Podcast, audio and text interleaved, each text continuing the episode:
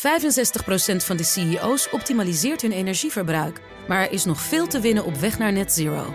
Meer weten? Ga naar pwc.nl slash netzero. BNR Nieuwsradio. Boekenstein en de Wijk.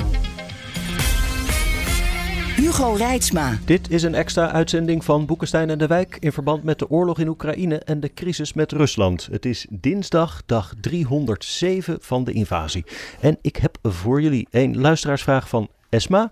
Die zegt: Wat maken jullie ervan dat Poetin weer zegt dat hij open staat voor diplomatie? Is dat voor de bühne of zijn er daadwerkelijk aanknopingspunten voor een gesprek? Hij heeft dat opnieuw op uh, kerstavond gezegd: hè? dat ik wil best onderhandelen. Het ligt aan Oekraïne dat er niet gesproken kan worden.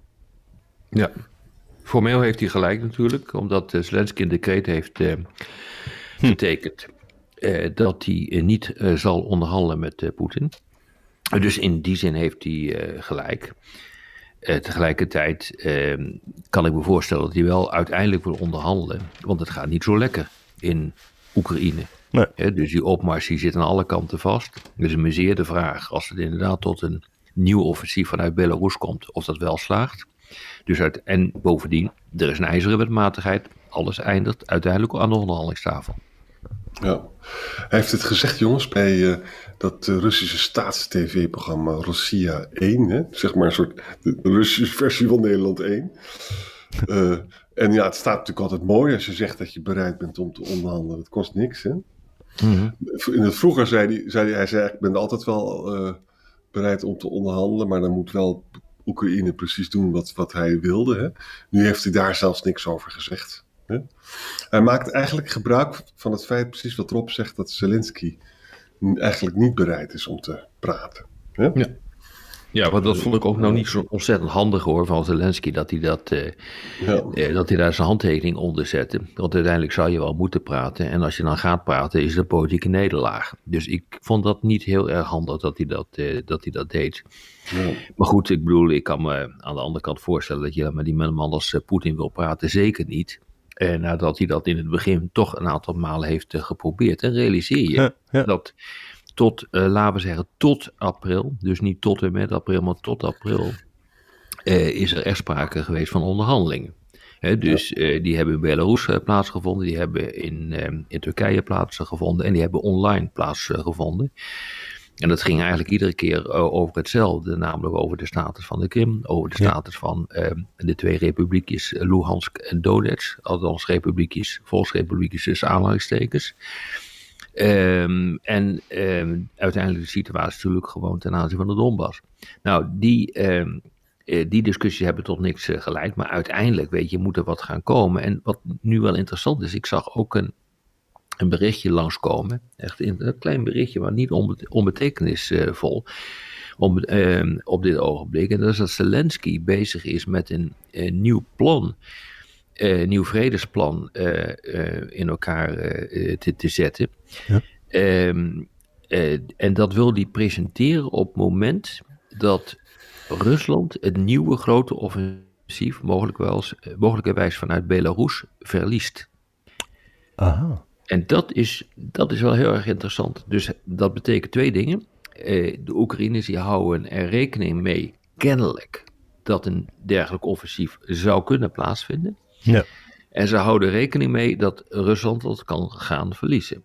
Nou, ik denk dat als we wat we de afgelopen tijd hebben gezien, met ook weer de nieuwe toezegging vanuit de Verenigde Staten om uh, Oekraïne zoveel mogelijk uh, ja, materieel te leveren, maar ook munitie te leveren. Ja, die houden daar ook rekening mee, denk ik, met de, de Amerikanen, dat dit zou kunnen gaan gebeuren. En die Patriots, ja, ik ben heel benieuwd waar die worden neergezet. Eh, maar het zou me niet verbazen als die rond Kiev worden geplaatst.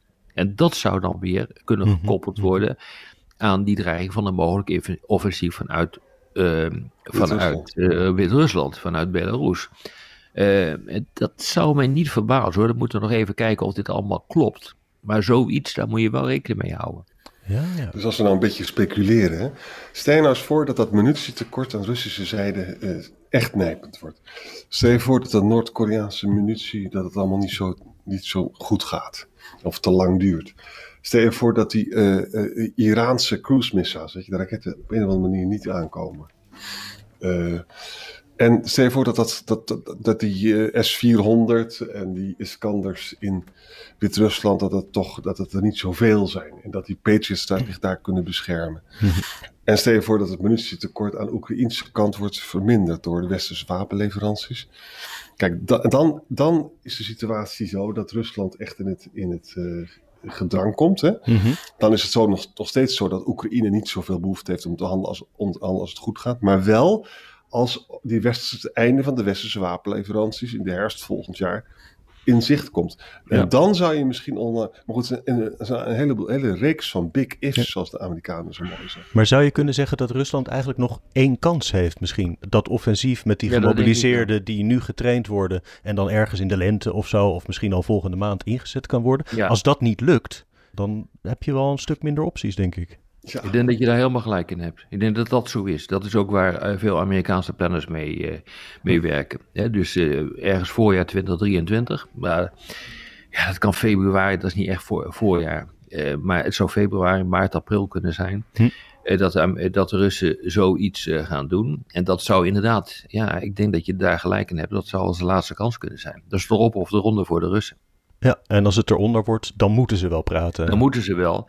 En als het erop wordt, uh, ja, dan hebben ze natuurlijk een veel betere uitgangspositie met onderhandelingen. Dit zou best kunnen zijn dat, uh, dat Poetin daar ook op vooruit loopt. En als het misgaat, ja, dan hebben ze natuurlijk nog steeds opties, want ze kunnen nog altijd volledig mobiliseren. dus daar, dat wil niet zeggen als dat misgaat, uh, dat daarmee de oorlog voorbij is. Hmm. Ja. ja, ze kunnen nog altijd totaal mobiliseren. Ja, en dat wordt iedere keer maar vergeten, maar dat kan natuurlijk wel. En eh, als je dus kijkt wat Poetin de afgelopen tijd heeft gedaan, daar heeft hij het hele narratief, het hele verhaal, heeft hij omgebogen in de richting uh, van agressie van de NAVO tegen, hè, dat, uh, tegen Rusland. Dat doet hij dus nu ook weer door te zeggen, die uh, Patriots, ja, dat is echt uh, een, een, schending van de Russische veiligheid. Daar moeten we iets tegen doen. die dingen moeten worden vernietigd.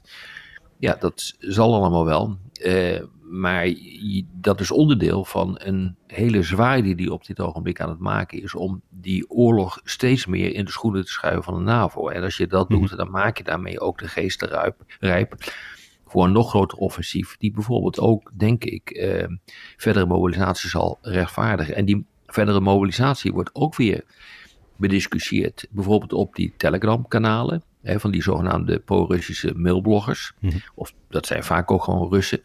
Ehm, en dat wordt dan vervolgens weer ontkend. Uh, dat die uh, discussie daadwerkelijk zou lopen in het Kremlin, dan wel in het ministerie van uh, Defensie, dat er echt een nieuwe golf van, mobiliserende, van, van mobilisatie aan zit te komen. Ja. Hm. Weten we eigenlijk van die eerdere gesprekken die jij noemt erop, waar die op zijn misgelopen? Ging dat over de Krim, de Donbass of iets anders?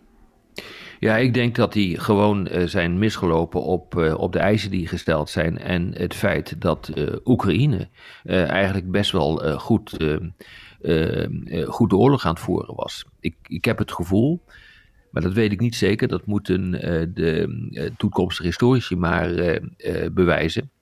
Maar dat in belangrijke mate Zelensky toen heeft gezegd, nadat hij heel het noorden heeft schoongeveegd, nu gaan we door. Ja, ja. En, Zelensky zei tegen Poetin van, ik je moet gewoon al je troepen weghalen. Dan ga ik met je praten. Ja. Nou, dat, dat deed Poetin natuurlijk niet. Nee. nee. Nee, maar de, de, kijk, er was natuurlijk toch een soort juichstemming toen het hele noorden werd schoongeveegd.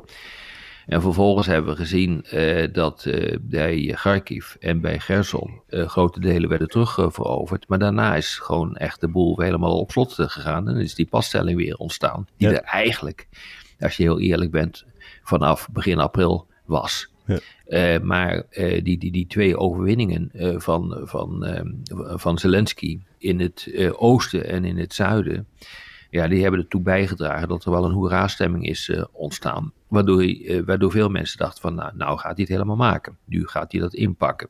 En dat is weg. Die hoera-stemming is weg. Mm -hmm. Dus ik kan me voorstellen dat er dan weer een nieuwe situatie komt, ook bij Zelensky, om na te denken van, nou, misschien moeten we dan toch maar weer eens gaan onderhandelen. Ja.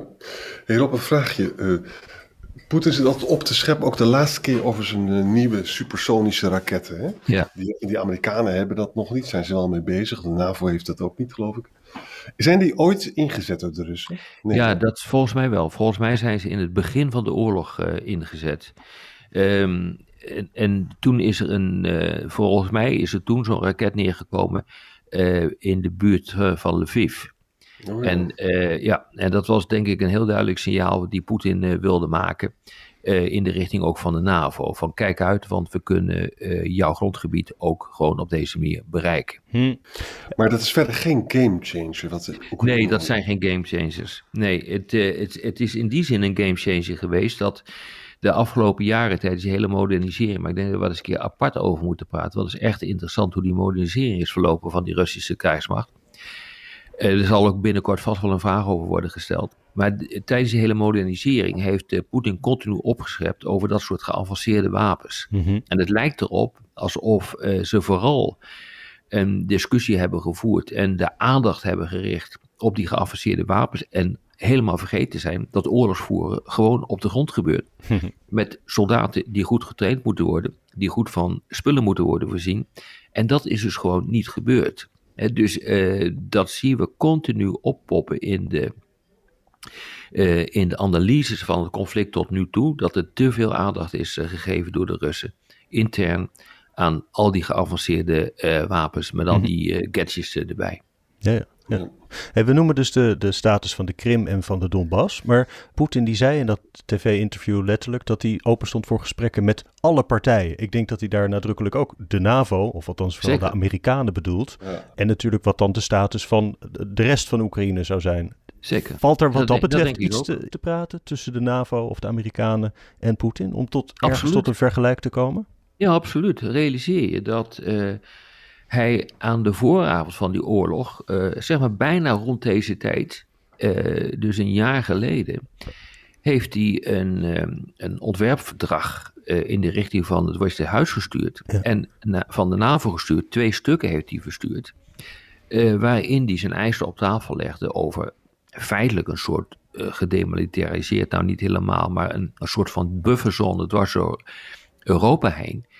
Die natuurlijk niet gehonoreerd is door de NAVO. Nee. Eh, behalve dan op het punt waarbij de Amerikanen zeggen: van, nou ja, misschien kunnen we best wel eens praten over eh, systemen met een lange afstandsbereik, die we dan mogelijkwijs niet gaan plaatsen in Europa. Als dat nou inderdaad zo'n probleem eh, is voor de Russen, dan zouden we die bijvoorbeeld niet hoeven te plaatsen. En die discussie heeft wel even gelopen een jaar geleden. Ja. En waarschijnlijk ook het idee dat Oekraïne neutraal zou blijven. Ja, exact. Ja, dat was Ja. natuurlijk gewoon eh, Ja. eh, de kern van, van alles. Jij hebt je helemaal gelijk in, Arend Jan. Maar dat heb ik eerder van jou gehoord, Rob, dat het misschien eh, waarschijnlijker is dat er toch een NAVO-garantie zal komen. Ja, dat denk ik wel. Ja. Er, gaat, er kom- komt in ieder geval een, eh, een garantie voor wat Oekraïne ook in, het, eh, in de toekomst mag zijn. Of dat een romstaat Oekraïne is of een heel terugverhoogd gebied, dat weten we op dit ogenblik niet. Maar die garanties gaan er gewoon komen. En daar wordt achter de schermen ook gewoon over gesproken. Dus er zijn landen die daarvoor garant eh, willen staan. Maar de grote vraag is, hoe ga je dat dan doen? Maar als je gaat verschuiven eh, van, laten we zeggen, wapenleveranties naar afschrikking, wat kan, ja, dan komt de NAVO natuurlijk vrij snel in beeld. Omdat je dan gaat praten ook over de Amerikaanse nucleaire garanties eh, voor eh, de Ja. NAVO. Maar betekent dat dan niet dat zowel een gesprek tussen Poetin en Zelensky eigenlijk onmogelijk is, als een gesprek tussen Poetin en de NAVO? Ja, dat, Dat, dat, klopt. dat gaat niks worden. gewonnen worden. Dat is, Ja. Daar heb je helemaal gelijk in. Dit, dit is dus alleen maar als je, als je in een situatie komt waarin, ja, waarin Rusland gewoon eigenlijk verloren is. En eh, verloren heeft en eh, Zelensky toch een overwinning heeft geboekt. Ja. En, en dat kan dus ook gebeuren. Een, een overwinning of een verlies. Ja, het is maar net hoe je het definieert. Dat kan dus ook gewoon zijn dat er een padstelling is die door beide partijen wordt erkend. Dat eh, er een, eh, een staakt te vuren komt zonder een vredesakkoord, waarbij de status van die door Rusland bezette gebieden in het ongewisse blijft. Maar dan kan je dus wel verder met de romstaat Oekraïne. Dus dan krijg je dat soort eh, discussies. Nou, we hebben die vraag afdoende beantwoord. Ja. Nou ja, we weten alleen niet of er, eh, of er eh, vredesonderhandelingen op korte termijn komen. Nee, Nee. nee, nee. Wij zien elkaar morgen. Dank u. Ja. Zeker, dat maar. 65% van de CEO's optimaliseert hun energieverbruik. Maar er is nog veel te winnen op weg naar net zero. Meer weten? Ga naar pwc.nl slash netzero.